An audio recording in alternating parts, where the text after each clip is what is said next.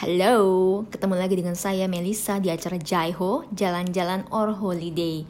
Ya, tadi sebelumnya ceritanya tentang perjalanan saya naik kereta dari Bratislava menuju Praha. Akhirnya saya nyampai 30 menit lebih cepat di Praha. Jadi harusnya kan jam 7 nyampe tuh, tapi ternyata jam 6.30 udah nyampe. Ya walhasil acara ketemu saya lebih cepet deh 30 menit.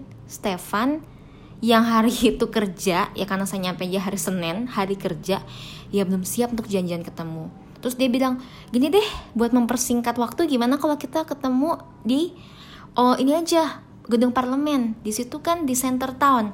Center town itu biasanya tiap turis pasti pergi ke sana untuk foto gitu. Dan itu cuma dua stasiun kok dari stasiun kereta si Havlana Nadrazi ya.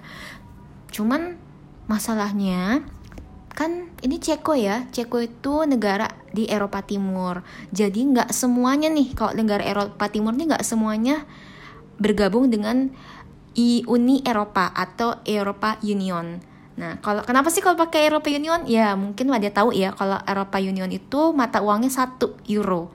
Jadi gampang pergi ke mana aja pakai mata uang euro. Tapi kalau Eropa Timur nggak gitu, nggak semuanya pakai euro termasuk Ceko ini mata uangnya Czech jadi otomatis saya ke sana nggak bawa satu pun Czech gitu. Saya masih cari dulu tuh um, money changers gitu. Cuman si Stefan bilang sama saya Mel Mel di bandara stasiun itu mahal banget money changersnya. Nanti kamu bakal dipotong gila-gilaan bakal rugi sampai 30% jadi jangan nuker money changers di stasiun kereta. Cari deh yang agak jauhan. Kalau nggak nanti gue anterin kata dia. Gue temenin deh gitu. Ya udah akhirnya saya nggak nuker sama sekali di stasiun. Stasiun Ceko ini tuh Havrana Nadrasinya tuh gede. Persis kira-kira kayak bandara tiga ultimate di Jakarta situ di Soekarno Hatta Suta. Jadi banyak kaca-kaca luas dan baru ya.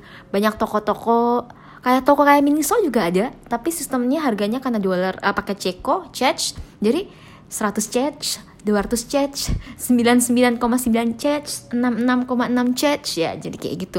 Sama jualannya hampir sama kayak di Indonesia. Jual bantal lah jual tas-tas um, yang dari kain itulah jual uh, kayak notes notes atau jual gembok-gembok. Ya jual botol minum jual ya macem-macem. Di situ juga ada iFast Rocher kalau ada yang tahu uh, Ives Rocher yang produk uh, kecantikan atau ada juga um, buat uh, body shop juga ada di situ. Dan yang paling banyak sih Paul. Mungkin uh, teman-teman banyak yang tahu ya Paul. Entah Paul yang banyak di Jakarta atau mungkin udah sampai ke Surabaya. Tapi aduh di Ceko ini banyak banget Paul. Kayaknya terutama di stasiunnya kayaknya tiap 100 meter ada Paul deh jadi untuk masalah makanan sih nggak usah khawatir karena karena tiap tikungan ada pau. Jadi lebih familiar di stasiun. Nah, akhirnya saya karena janjiannya ketemunya pindah, dia nggak jadi jemput saya ke stasiun kereta. Saya harus pergi, akhirnya saya harus nyari tiket, tiket kereta. Uh, kereta dalam kota. Nah, kalau di dalam di daerah-daerah wisata gitu, biasanya ada pas namanya entah Vienna Pass, entah Buta, Budapest Pass atau Praha Pass. Nah, kalau mau bisa juga beli di vending vending machine. Jadi di sepanjang stasiun tuh banyak ya berjajaran vending machine kayak mesin ATM gitu, tapi mereka jual tiket. Entah tiket kereta yang satu hari, yang 36 jam, 48 jam seminggu atau pas. Jadi kalau udah beli tiket itu 24 jam terserah nih dalam 24 jam dalam satu hari bebas ke mana aja pakai kereta atau pakai bus gratis. Jadi cuma bayar doang di vending machine. Nah masalahnya nih ada yang ada tips yang penting deh kalau pergi ke Eropa. Nah seperti yang diketahui ya kalau uh, pakai vending machine ini ada tiga sebenarnya mata uangnya. Kita bisa beli pakai mata uang Ceko. Mata uangnya Ceko ya bukan euro. Terus yang kedua kita bisa pakai debit ah debitnya tapi harus ada Mastercardnya atau Visa atau Amex gitu American Express. Dan yang ketiga pakai kartu kredit. Cuman trikinya di kartu kartu kredit di sana itu harus pakai pin gitu.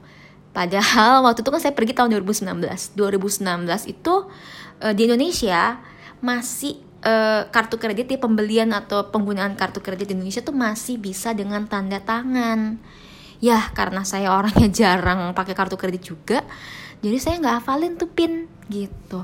Jadi kalau misalnya beli apa apa ya tanda tangan aja udah beres. Ternyata nggak gitu kalau di Eropa. Di Eropa itu semuanya harus pakai pin nggak pakai tanda tangan. Jadi jadi pas masukin ke vending machine mau beli tiket sekali jalan naik uh, kereta dalam kota atau MRT namanya nggak bisa karena harus pakai pin gitu. Ya lumayan lah ya dari situ saya mulai mulai mulai mulai hektik nih mulai pusing mulai kebakaran jenggot. Oh my god gitu. Nggak bisa. Terus ini gimana? Aku nggak punya uang satu ceko pun satu charge I don't have nggak uh, punya alat nggak punya alat tukar karena uh, kartu kredit gak mesti pakai karena nggak hafal pinnya. Karena selama ini pakainya uh, pakai tanda tangan harus pakai pin saya nggak hafal pin dan harus kartu debit nggak bisa dipakai juga. Ternyata. Lumayan pusing. Ya seperti biasa karena pusing akhirnya saya memutuskan untuk makan. Makan dulu di Paul beli roti di situ. Untungnya mereka bisa pakai kartu kredit gitu. Tapi eh, bisa pakai uang cash dari euro. Masih mau terima dari euro tapi ya lebih mahal harganya gitu. Dari situ saya telepon si Stefan deh saya bilang sama Stefan aduh Stefan saya nggak bisa saya nggak bisa ke mana-mana gitu. Saya pusing mau pulang udah 30 menit saya di stasiun nggak bisa keluar. Hampir semua vending machine saya coba vending machine yang jual tiket. Buat uh, tuker siapa tahu bisa nih kartu kredit tapi ternyata nggak mau. Kartu kreditnya harus pakai pin. Terus saya udah coba nih pakai Uber nih. Gimana caranya ya pakai Uber?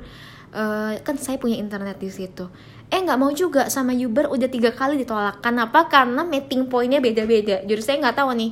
Saya udah bilang saya di lobby lobby utama. Eh ternyata super taksinya bilang super Ubernya bilang eh bukan nih beda nih. Karena saya udah nungguin lama banget uh, Nona nggak keluar keluar oke saya cancel. Tiga kali di cancel sama Uber. Akhirnya Ubernya ngambek. Di penalti nggak boleh pakai dulu selama satu jam.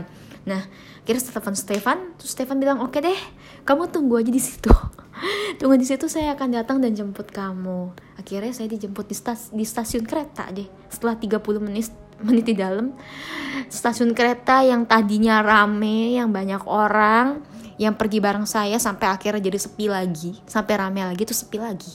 Ya udah akhirnya ketemu deh sama Stefan.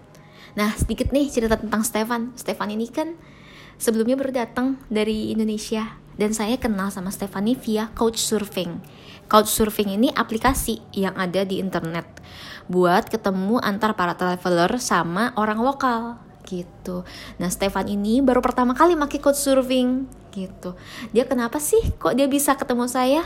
Iya, ceritanya lucu sih. Dia bilang dia baru dari Indonesia, terus dia buka Couchsurfing, eh dia nemu, loh kok ada orang Indonesia yang mampir ke Ceko? Karena nggak banyak orang Indonesia mampir ke Ceko Well sebenarnya bukannya nggak banyak ya, mungkin banyak tapi nggak banyak yang pergi solo sendirian dari Indonesia, cewek dan pergi ke Ceko dan sendirian dan pakai coach surfing, mungkin simply kayak gitu. Jadi dia kaget, wah ada nih dan kebetulan dia masih kangen, c masih demam sama Indonesia dari Jogja dia. Dia bilang, aduh gue kangen banget sama Jogja, so ya yeah, it will be nice kalau kita ketemuan. Dia bilang itu. Saya dia jemput, dia bilang selama di Indonesia dia naik becak dia naik sepeda ontel dia ke Borobudur dia beli baju batik juga. Dan lucunya nih baju batik saya kembar sama dia. Dia beli celananya saya ternyata punya dressnya. Jadi ya kadang-kadang lucu ya bisa sama uh, orang yang jauhnya berapa ribu met uh, kilometer jaraknya eh bisa punya baju yang kembaran tapi ya baju saya juga kebetulan e, belinya juga di Jogja juga. Jadi ya wajar ya kalau kain itu banyak ditemukan di mana-mana. Karena pasaran. Gitu. Nah e, Indian akhirnya ketemu deh sama si Stefan ini saya bilang aduh Stefan you are my savior terima kasih gitu. Udah mau dijemput karena saya nggak tahu gimana saya nggak punya uang nggak boleh tukar money changers. Terus nggak um, bisa juga beli tiket kereta. Uang uh, saya punya uang euro nggak bisa dipakai. Terus uh, kartu kreditnya nggak bisa dipakai juga debit nggak bisa dipakai. Bener-bener kayak mati kutu gitu. Ya yang bisa menyelamatkan cuma makan Paul doang di situ ya bikin agak tenang sedikit gitu. Oke akhirnya ketemu Stephen saya dibawa lah keluar ke money changers. Dibawain juga nih koper saya digeret sama dia. Habis saya dari money changer saya tukar sekitar 300 euro. Yang turns out turns out nih pergi tiga hari di Ceko cuma kepake 100 euro. Irit banget kan? Nah nanti sebagai tipsnya gimana ceritanya? Atau pergi ke mana aja sih kok cuma bisa habis 100 euro itu? Oke selesai dari sana pergi sama Stefan deh. Saya menuju uh, stasiun dalam kota. Gitu Oh iya, oh iya, oh iya, lupa nih, lupa. Saya lupa lagi mau bilang. Ada yang penasaran gak sih Stefan itu kayak apa?